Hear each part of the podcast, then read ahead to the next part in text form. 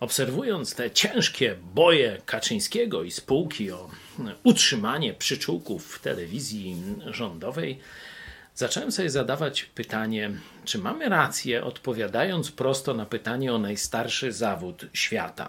Nie? Myślimy o kobietach lekkich obyczajów, które tam się sprzedają za pieniądze. Myślę, że to jest szersze zjawisko. Ogólnie ludzie sprzedają siebie, swoje wartości, swoją cnotę za pieniądze, przywileje, wpływy itd. Tak no i teraz widzieliśmy spektakl, że za 50 tysięcy można sobie kupić propagandzistę. Ale pytanie, za ile można kupić ciebie? Czy mnie? Warto sobie zadać to pytanie. Gdzie jest Twoja granica? Jak ją przesunąć jak najwyżej? A jak może sprawić, byś był człowiekiem nie do kupienia?